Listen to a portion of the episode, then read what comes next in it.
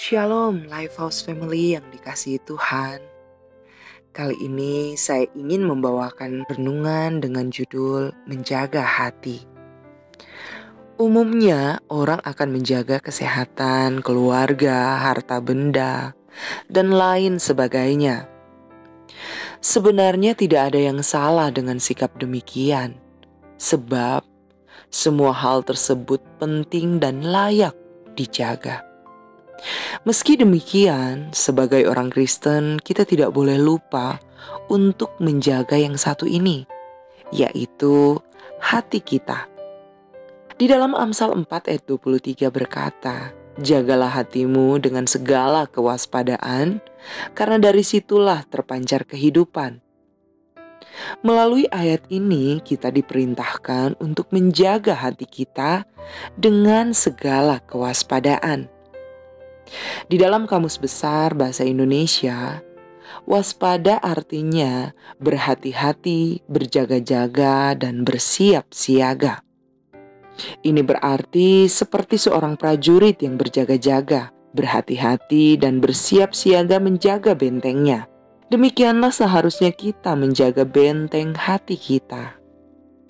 Lifehouse Family yang dikasihi Tuhan, Rasul Paulus pernah memberikan informasi kepada Timotius dengan berkata, "Beberapa orang telah menolak hati nuraninya yang murni itu, dan karena itu kandaslah iman mereka." Di dalam 1 Timotius 1 ayat 19.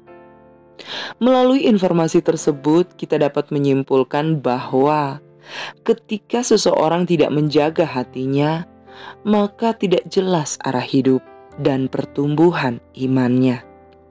Sebaliknya, ketika seseorang menjaga hatinya, maka jelaslah arah hidup dan pertumbuhan imannya. Ternyata ada relasi yang kuat antara hati dengan jalan hidup seseorang. Dunia boleh saja berkata kecerdasan atau intelektual yang menentukan jalan hidup seseorang. Tapi firman Tuhan berkata lain hatilah yang memiliki peranan atau kunci penentu jalan hidup kita hari ini dan kemudian hari. Lifehouse Family yang dikasihi Tuhan, pada kesempatan ini saya ingin mengajak kita untuk hati-hati menjaga hati karena hati sering disakiti oleh orang yang kurang berhati-hati. Pada dasarnya, hati kita masih bisa disakiti, baik dari orang terdekat maupun orang yang tidak terlalu dekat. Karena itu, sebagai anak Tuhan, kita tidak boleh meremehkan kondisi hati kita. Sebaliknya, hal pertama yang bisa kita lakukan adalah tidak membiarkan rasa syukur dan sukacita di hati kita memudar. Rasul Paulus berkata, "Perhatikanlah supaya jangan ada orang yang membalas jahat dengan jahat, tetapi usahakanlah senantiasa yang baik terhadap kamu masing-masing dan terhadap semua orang. Di dalam 1 Tesalonika 5 ayat 15. Lifehouse Family yang dikasihi Tuhan, alangkah baiknya jika hati kita tidak menyimpan dendam atau niat membalas dendam. Mengapa karena semua itu dapat memudarkan rasa syukur dan sukacita di hati kita. Karena itu, milikilah hati seperti hatinya Tuhan, yang luas untuk melepaskan pengampunan kepada mereka yang menyakiti kita. Dengan demikian, hati kita akan selalu berlimpah rasa syukur dan sukacita. Hal kedua yang bisa kita lakukan adalah tidak membiarkan hati menjauh dari Tuhan. Lifehouse Family yang dikasihi Tuhan, jika hati kita bersih, maka kita dapat mengalami dan merasakan kehadiran Tuhan.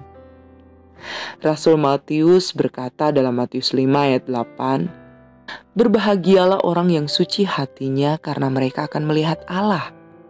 Ini berarti ketika kita tidak menyimpan iri hati, kesombongan, dendam, dan lain sebagainya, maka hati kita dapat menjadi tempat untuk berdoa, berkomunikasi dengan Tuhan, dekat dengan Tuhan.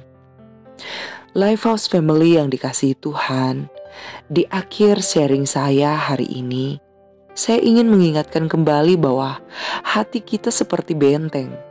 Karena itu, sudah menjadi tugas kita untuk menjaganya. Mintalah selalu hikmat anugerah Tuhan dan pertolongan Roh Kudus untuk dapat menjaga hati kita.